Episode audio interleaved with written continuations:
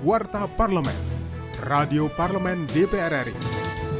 Dari Gedung DPR Senayan, Jakarta.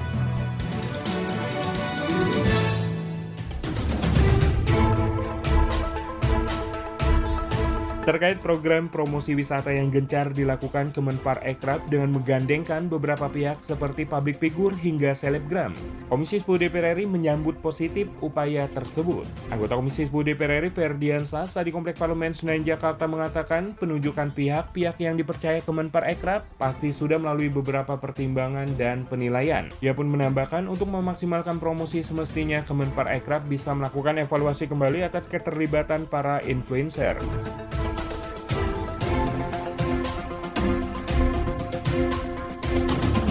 DPR RI mendorong pasokan gas yang terus berkelanjutan untuk pembangkit listrik tenaga gas dan uap atau PLTGU di Kabupaten Serang, Provinsi Banten karena pasokan listrik sebesar 740 MW dan dapat menjangkau seluruh wilayah Pulau Jawa, Madura hingga Bali.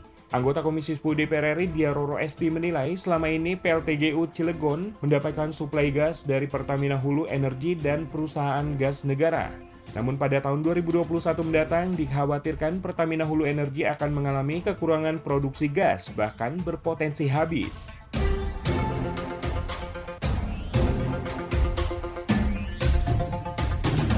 Badan Akuntabilitas Keuangan Negara atau BAKN DPR RI meminta masukan dari para pakar terkait dengan penyaluran subsidi energi yang belum tepat sasaran.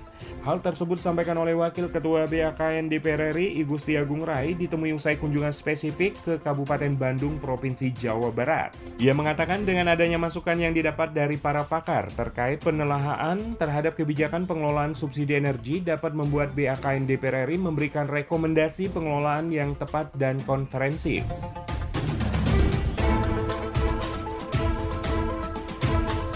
Demikian Warta Parlemen, Produksi TV dan Radio Parlemen, Biro Pemberitaan Parlemen, Sekretariat Jenderal DPR RI.